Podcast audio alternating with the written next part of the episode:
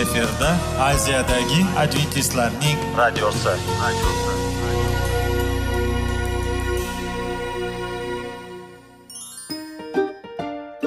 assalomu alaykum radio tinglovchimiz dasturimizga xush kelibsiz va bizni tinglayotganingizga sizdan judayam minnatdormiz bugungi bizning dasturimizning nomi sog'liq daqiqasi deb ataladi va biz sizlarga bu dasturda mevalarning foydasi haqida so'zlab bermoqchimiz ya'ni uning tarkibi uning tarixini va foydali xususiyatlari haqida. Aziz do'stlar mevani iste'mol qilish kerak ekan va biz boshladik ketdik. Sog'liq daqiqasi soliqning kaliti qiziqarli ma'lumotlar faktlar. Har kuni siz uchun foydali maslahatlar. Sog'liq daqiqasi rubrikasi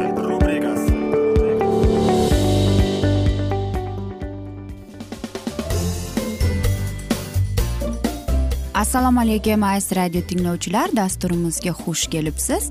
Va biz sizlar bilan tana va sog'liq degan dasturni o'qib eshittirishni boshlagan edik. Va bugungi bizning dasturimizning mavzusi miya salomatligi uchun tabiiy dorilar deb nomlanadi. Suyak ichida qoplangan miya bosh suyagi zixir bizga mustahkam ko'rinadi. Biroq u jismoniy juda sezgir va tana terisiga ta'sir ko'rsatadigan ta'sirlar haqorat yoki taqdil bo'ladi.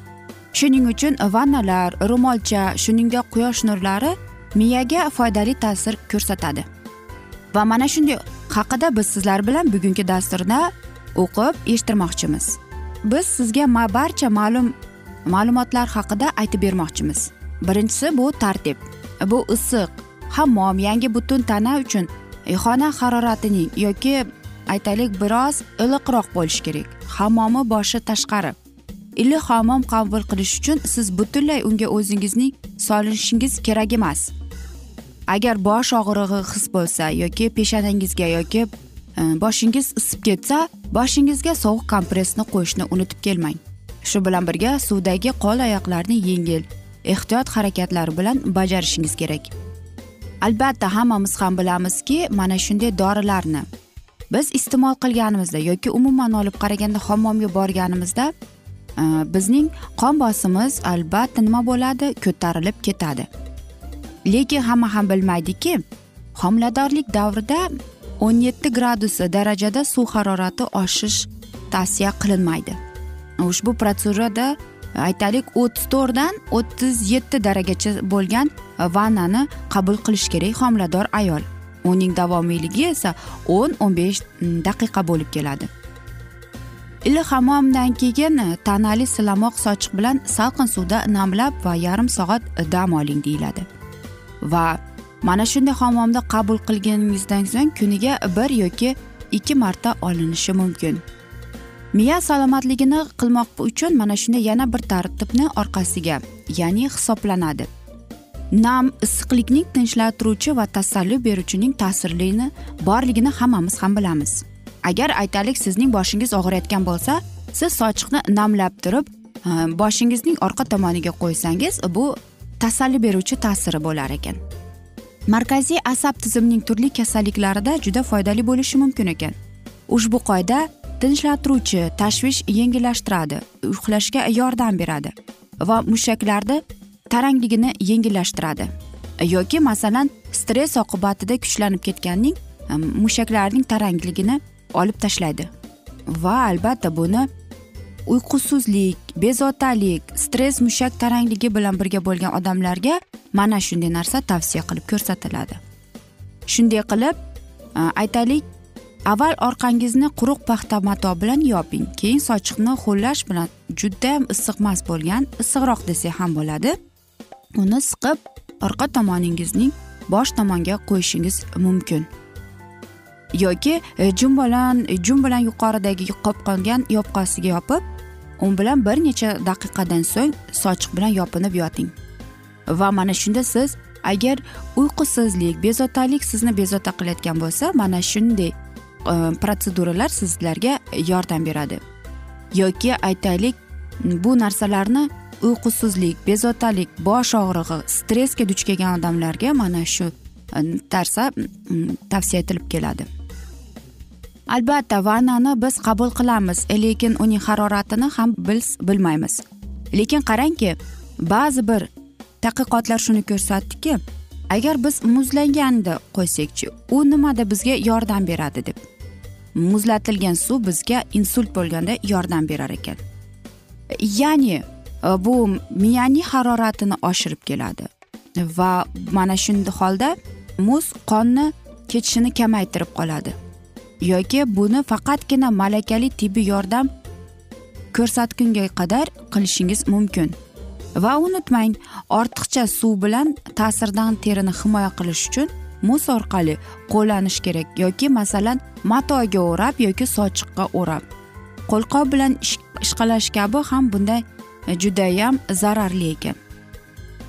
Mana shunday protseduraning tufayli asab tizimiga kuchli toniq E, ta'siriga erishiladi va albatta bu sizni tinchlantiradi. Biz vanna qabul qilayotganimizda umuman nimani o'ylaymiz? Ushbu qoida umumiy zaiflik uchun ko'rsatilgan. Qachon shamollash va infeksiyalari ruhiy tushkunlik bo'lganda va past qarshilik yo'qligi qon bosimiga ko'rsatilib keladi. Ushbu protsedura davomida harorat uchun judayam muhim ekan. Bemor o'zini sovuq his qilmasligi uchun unga qulay xona yetarli bo'ladi. Biroq nima bo'lgan qat'iy nazarda ham bu tartibni bo'lishi mumkin qanchalik foydali va uni to'g'ri va faqatgina malakali hamshiralar yoki doktorlar qilishi mumkin ekan. Ayrim dori darmonlarni qabul qilish bilan bog'liq mana shunday aytaylik boshqa sabablari. Shuningdek teri saratoni ham kelib chiqadi yoki melanoma bor shaxslarga ham tavsiya etilib kelmaydi. Va albatta aytamizki mana shunday usullar har birimiz uchun mavjudmi deb. Yaxshi murojaat qilaylik biz o'zimizning miyamiz va tanamiz bilan va bizning tanamiz saqlab qolish uchun ularni judayam nozik qoniqarli foydalanishimiz kerak. Axir biz yaxshi hayot baxtli hayot yashashga muhtojmiz. Aziz do'stlar men o'ylaymanki mana shunday dasturlar sizlarga foydali bo'ladi deb. Afsuski bugungi dasturimizni biz bugun yakunlab qolamiz chunki bizning dasturimizga vaqt birozgina chetlatilgani sababli. Va aziz radio tinglovchilar sizlarda savollar tug'ilgan bo'lsa biz sizlarni salomat klub internet saytimizga taklif qilib qolamiz va biz umid qilamiz bizni tark etmaysiz deb chunki oldinda bundanda qiziq va foydali dasturlar kutib kelmoqdalar. Va albatta biz sizlarga va oilangizga tinchlik totuvlik va albatta sog'lik salomatlik tilab. Yuzingizdan tabassum hech ham ayrimasin deb xayr sog' bo'ling deymiz.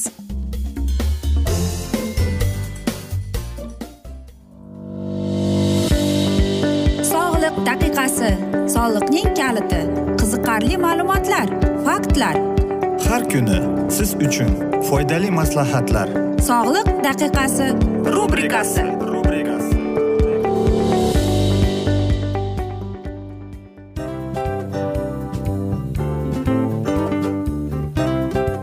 mana ha hayotda hamma narsaning yaxshi narsalar tugaydi va yakunlaydi degandek bizning dasturimizga ham yakun keldi. O'ylaymanki bizning dasturimiz sizga foydali bo'ldi deb aziz radio tinglovchimiz. Va siz o'zingiz uchun kerakli xulosalar kerakli maslahatlar olib oldingiz. Aziz radio tinglovchimiz biz bilan qoling va keyingi dasturlarimiz albatta undanda qiziqroq bo'ladi. Mana shu alfozda sizlar bilan xayrlashib qolaman.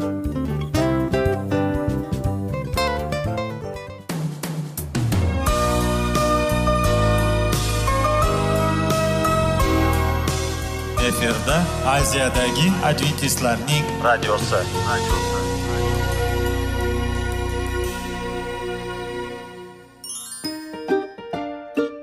Assalomu alaykum aziz radio tinglovchilar. Dasturimizga xush kelibsiz va sizlarni bugun biz munosabatlar haqida sizlar bilan suhbat qurmoqchimiz. Ya'ni ikki sevishganlar to'g'risida yoki er xotinning o'rtasida bo'lgan munosabatlar haqida. Masalan yigit qizni qanday sevish kerak? Er xotinni qanday sevish kerak? Xotin erini qanday sevish kerak? Qanday munosabatda bo'lishi kerak ular bir biriga mana shunday haqida bizning mavzuyimiz.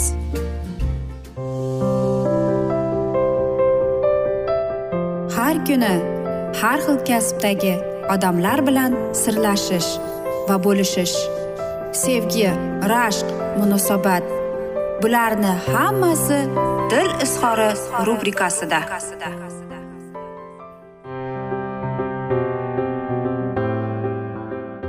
Assalomu alaykum aziz radio tinglovchilar dasturimizga xush kelibsiz. Va biz sizlar bilan erkaklar marsdan ayollar veneradan degan dasturni o'qib eshittirishni boshlagan edik va bugungi bizning dasturimizning mavzusi mukammal oila deb nomlanadi. Albatta biz sizlar bilan mukammal oila deganda nimani ko'zimizni oldiga keltiramiz? E, bu sahnada biz albatta baxtli oilani ko'z oldimizga keltiramiz. Va o'ylaymizki bu mukammal oilani qanday qilib yaratsak ekan deb va bugungi bizning dasturimizning mana shunday mavzusi sizlarga birozgina bo'lsada yordam beradi degan umiddaman. Albatta ko'p juftliklar oshiq va uchrashib yurib uylanish va bularning harakatiga deb ishonishadi va albatta uylanish bilan yakunlanib qoladi odatda. Ular hamma narsaga sodir bo'lishiga ishonadi ya'ni avtomatik ravishda. Lekin hech narsa haqiqatdan ham bundan ortiq emas. Lekin xatoliklar ham bo'lib keladi. Nikoh farovonligi o'z o'zidan yoki o'z xohishi bilan paydo bo'lmaydi. Faqat qarama qarshi baxtli muvaffaqiyatli nikoh qachon aytaylik ikki birgalikda katta va kichik qiyinchiliklarni ham yengib o'tishsagina mukammal oila paydo bo'lib qoladi. Ya'ni zinaning ikki vertikal tomoni ham er va xotinning ifodalang. Har bir qadam bir narsani anglatadi.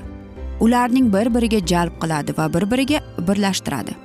Qadamlar bu jismoniy jalb bor eng yuqori uchun sof sevgi. Har bir odam har bir qadam oldinga asoslangan va shunday qilib har bir narsaga qaratgan muhim uchun. Aytaylik har bir mana shunday zinaga chiqayotganda vertikal tomonlama. Siz o'zingizni bir oilangizni keltiring va bu e, ikkala tomondan ham erkak va ayol bir biriga qadam tashlaydi. Mana biz yuqorida aytib o'tganimizdek har bir qadam bir narsani anglatadi. Faqatgina mana shu mukammal nikohning tarkibi qismlari hisoblanadi. Kimdir nikohni hamma narsaga oid majburiyatlarning birligi deb belgiladi. Turmush tarzi va shaxsning hamma jihatlari mana shu oilaning nikohiga kirib ketadi. Bu ta'rif nazarda tugadi deb bu jiddiy sa'y harakatlar yoshlarga tomonidan amalga oshirish lozim. O'z oldiga qo'ygan maqsadlarga erishish uchun arziydimi har qanday foyda olish uchun na psixologik qulaylikka erishish na farzand ko'rish e, baxtli nikohning maqsadi emas. Va ular e, bir go'sht deyiladi. Ya'ni ibtido kitobida shunday deb yozilgan. Aziz do'stlar qanday qilib erimni qanchalik seva olaman deb savol beradi ayollar. Bu deyarli yigirma yil e, davomida. O'zimga o'zim savol berib kelaman deydi ko'p tanishlarim. Ayollar albatta mana shu asnoda ular judayam muloyim hissiy aqliy va ruhiy erkak kishidan qaraganda kuchliroq bo'ladi. Xotinlarga nima qilayotganlarini ko'rolmaydimi deb o'ylaydi ba'zi ayollar. Qanday ayollar ularga ko'proq sevgi ko'rsatish uchun o'z erlariga rag'batlantirish yordam berishi mumkin degan savollar keladi. Baxtsiz oilada esa tug'ilganim uchunmi? Buni men chuqur bir narsani his qilaman. Bir yoshga to'lganimda ota onam ajrashib ketdi. Keyinchalik ular birga qaytib borib lekin men besh yoshda edim. Ular yana birga bo'ldi men uchinchi sinfda bo'lganimda ular yana birga yashashga harakat qilib ko'rdi va mening butun bolaligim qichqiriqlar va janjallar bilan o'tib ketdi.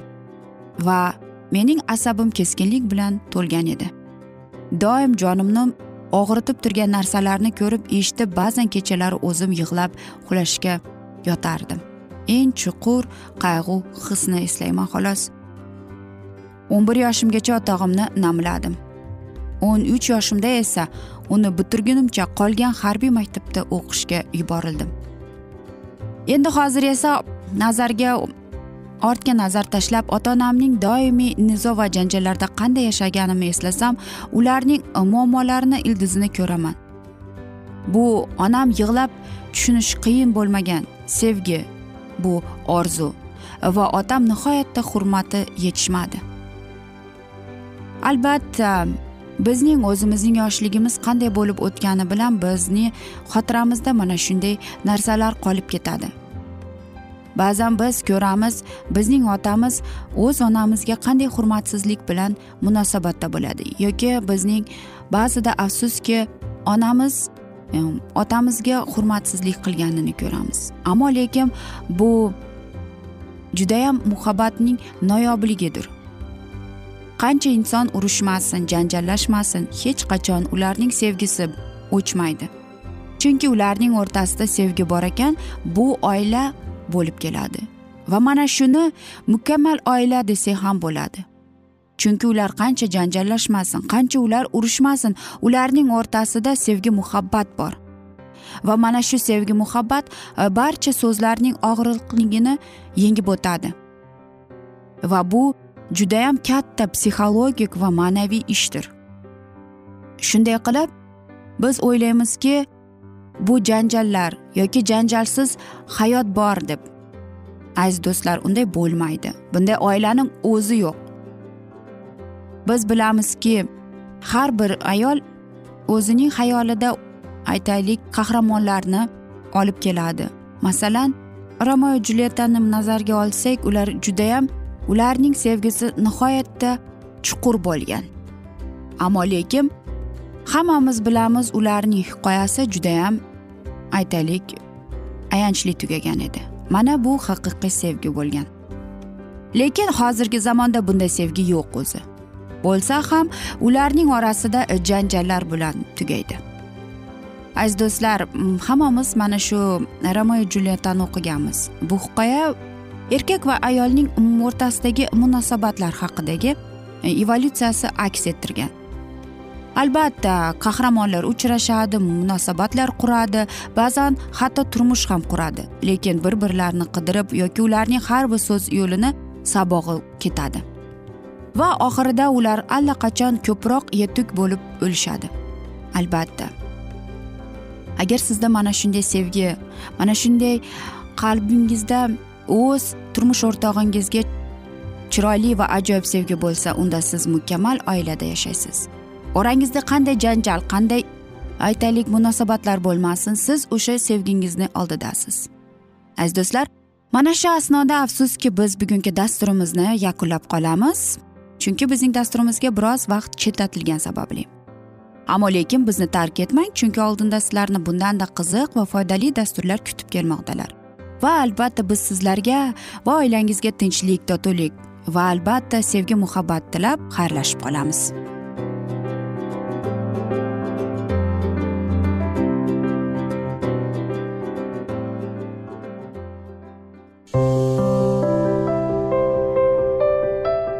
Har kuni har xil kasbdagi odamlar bilan sirlashish va bo'lishish sevgi rashq munosabat bularni hammasi dil izhori rubrikasida. Mana aziz radio tinglovchimiz bizning go'zal va foydali va chiroyli dasturimiz yakunlanib bormoqda.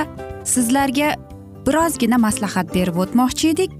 Bir biringizni seving qadringizga yeting va erkalang albatta bir biringizni va sizga judayam chiroyli va mustahkam munosabatlar tilab qolamiz albatta. Sevgilingiz doimo yoningizda bo'lsin. Mana shu borada sizlar bilan xayrlashib qolamiz. Xayr.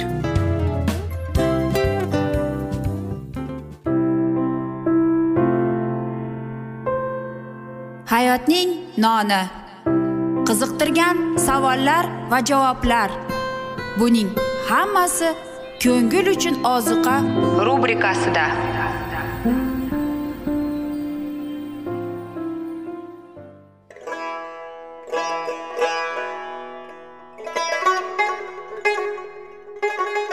Assalomu alaykum aziz va qadrdon radio tinglovchimiz. Dasturimizga xush kelibsiz. Bizni tanlaganingizga sizdan minnatdormiz. Va keyingi bizning e, mavzuyimiz diniy masalasiga kelib chiqadi. Albatta hayot davomida bizni ko'plab qiziqtirgan savollar bordir. Va mana shu savollarga qayerdan javob olsam ekan deb o'ylanib chiqamiz. Yoki hayotning ma'nosi nimada deb o'ylanamiz. Mana shunday dasturlar o'ylaymanki siz sizga foyda bo'ladi deb. Aziz do'stlar e, bugungi bizning mavzuyimizning nomi vahiy kitobning ochilishi. Ya'ni bu muqaddas kitobda shunday deb yozilgan. Vahiy kitobning bizga bo'lgan buyuk sovg'asi deb. Albatta mana shunday kitobni eshitib quloq solib e'tiborli bo'lsak biz o'zimizning qiziqtirgan hayotning ma'nosini tushuntirgan bizni kelajakda nima kutayotganini mana shu kitobdan bilib olamiz albatta. Va xudoyim bizga qanday rejalar ochgan bizga qanday kelajak kutayotganini aynan mana shu kitobda yozilgan va bizga mana shu kitob orqali xudoyim bizga aytib bergan. Keling aziz do'stlar mana shu kitobni e'tiborli va yaxshilab quloq solib va chuqurroq nazar solaylik shu muqaddas kitobga. Assalomu alaykum aziz radio tinglovchilar. Dasturimizga xush kelibsiz va biz sizlar bilan ulug' kurash degan kitobni o'qib eshittirishni boshlagan edik. Va bugungi bizning dasturimizning mavzusi fransiyada uyg'onish deb nomlanadi. Va biz sizlar bilan o'tgan galgi dasturni bugun davom ettiramiz. Ustozning ovozi abadiy so'nganda ular yana uzoq yillar haqiqatni yoyishda davom etdilar. Bu xabarchilar safiga uilyam farrell mansub edi. Solih ota onalarning farzandi bo'lgan bu bola jamoatning hamma ta'limotini ko'r ko'rona qabul qilib havariy pavlus bilan bir qatorda shunday deyishga jur'at topa oldi. Dinimiz eng jiddiy mazbag'i bo'lmish farzichilik ta'limoti bo'yicha yashab kelganimga guvohlik bera boshladi. Bu havoriy kitobning yigirma oltinchi bob beshinchi she'rini qarang. U ashadiylik katolik bo'lib jamoatga qarshilik ko'rsatishga jur'at etgan har qanday odamni yo'qotish ishtiyoqi bilan yonardi. Papaga qarshi kim qarshi chiqqanini eshitsam deb eslagan edi u. U o'z hayotining bu davri haqida men xuddi yirtqich bo'ri singari tishlarimni g'ichirlatardim. Azizlarga sevgisiga u serg'ayrat bo'lib lever bilan birga parijning hamma jamoatlariga borishdan qurbongoh oldida ibodat qilib va muqaddas qabrlarga xayr ehson qilishdan charchamasdi. Lekin bularning hammasi uning qalbiga tinchlik olib kela olmas edi gunohkorlikni anglash ko'plab kaforatni ijro etgandan keyin ham jiddiy bo'lib ketdi. Xuddi samoviy sado singari uning qulog'iga islohotchining so'zlari yetib keldi. Najot xudoning marhamati bilan yuz beradi. Beayb hukm qilingan jinoyatchi afv etilgan. Faqat masihning xochi osmonning darvozasini ochadi va do'zaxning darvozasini yopadi deydi. Farel haqiqatni mamnuniyat bilan qabul qildi. U xuddi pavlus singari iymonga kelib an'analar yukini uloqtirdi va xudoning bolalari erkakligini qabul qildi. Yirqich bo'rining qonsiragan yuragi o'rniga unga muloyim itoatkor ko'zining qalbi berilgan. U papadan tamomila yuz o'girdi va o'zini tamomila iso masihga bag'ishladi. Lever talabalar o'rtasida haqiqat nurini tarqatishda davom etgan singari farrell ilgari papaga qanday g'ayrat bilan xizmat qilgan bo'lsa masih ishiga ham xuddi shunday g'ayrat bilan xizmat qilishga kirishdi va haqiqatni oshkora vaz qila boshladi. Tez orada uning yoniga shaharning episkopi katolik jamoatining yuqori lavozimdagi amaldorlaridan biri qo'shildi. U o'z olimligi va iste'dodi sababli katta hurmatga sazovor bo'lgan boshqa muammolar ham paydo bo'ldi. Ular muttasil ravishda xushxabarni vaz qildilar. Tez orada injil turli toifadagi odamlarning hunarmandlar dehqonlardan tortib sohibi tojlarning ham qalbini zabt etdi. O'sha paytda qirol bo'lgan fransis birinchining singlisi islohotchilar iymonini qabul qildi. Qirolning o'zi va onasi bir paytning o'zida yangi dinga nihoyatda moyillik bildirdi. Islohotchilar tez orada butun fransiya injilni qabul qiladi deb umid qildilar. Lekin ularning umidlari amalga oshishi nasib qilmagan ekan. Masihning shogirdlarini sinovlar taqiblar kutayotgan edi. Ammo masihning mehribonligi tufayli ulardan sir tutilardi. Ularga ajratilgan xotirjam vaqtlar oldinda turgan vasvasalarni va sinovlarni munosib ravishda qarshi olish kuch to'plash uchun zarur edi. Islohot muvaffaqiyat bilan yoyilib boraverardi. Mo shahrining episkopi dindorlarni ham xalqni ham haqiqat nuridan barhamand qilib o'z muzovatida mehnat qildi. Johil va aynigan ruhoniylarni supurib tashlab bilimdan solih odamlar bilan almashtirdilar. Xudoning kalomi xalqqa yetib borishni episkop juda istar edi. Tez orada bu istak amalga oshdi. E, Lever yangi ahdning tarjimasiga kirishdi. Ayni shu paytda vitenbergda lyuter bibliyani nemis tilida chop ettirganda mo shahrida yangi ahd fransuz tilida chop ettirildi. Episkop yangi ahdni o'z kavmi orasiga tarqatdi. Mehnatini ham mablag'ini ham ayamadi. Ko'p o'tmay atrofdagi dehqonlar yangi ahdga ega bo'ldilar. Tashnalikdan halok bo'lay degan yo'lovchilar oqib turgan buloqqa shon xuramlik bilan tashlaganlariday bu jonlar ham samoviy xabarni xuddi shunday qabul qildilar. Odamlar dalada yoki ustaxonalarda ishlayotganlarida muqaddas bitikning qimmatli haqiqati to'g'risida suhbatlashdilar. Kechqurunlari ko'pchilik qovoqxonaga yoki fohishaxonaga bormasdan birortasining uyida yig'ilishib xudoning kalomini o'qishar va rabbiyni sharaflab ibodat qilishardi. Bu jamoatlarda tez orada katta o'zgarishlar sezilib turibdi. Og'ir mehnatga ko'nikkan eng quyi tabaqadan oddiy omi mehnatkashlar xudoning huzur halovati bilan ma'naviy tomondan yuksan bo'ldi va ruhlari ko'tarildi. Ular itoatkor sevikli solih odamlarga aylanib injilni chin dildan qabul qilgan odamlarda bu kitob nimalar qila olishga jonli namuna bo'ldilar.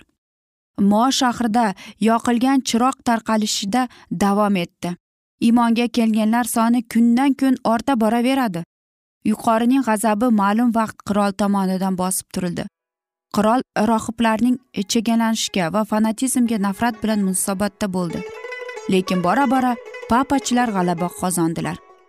Gulxan alanglab ketdi. Mo shahrining episkopi yo olovga tashlanishga yoki imondan qaytishga majbur qildilar.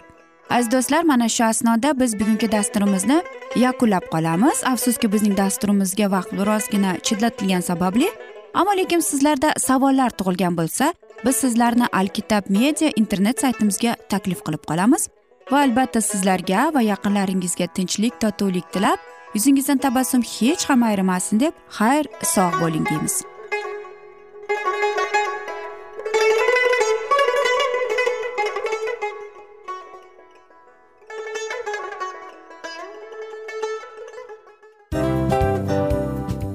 Afsus afsus. Hamma yaxshi narsaning ham yakuni bo'ladi degandek bizning foydali va qiziqarli dasturlarimiz ham yakunlanib qoldi. Va men umid qilamanki bizning dasturlar sizga ozgina bo'lsada maslahat berdi foyda berdi. Va sog'liq borasida ayniqsa sizlarga foydali bo'ldi deb. Va siz bizning maslahatlarga amal qilasiz deb.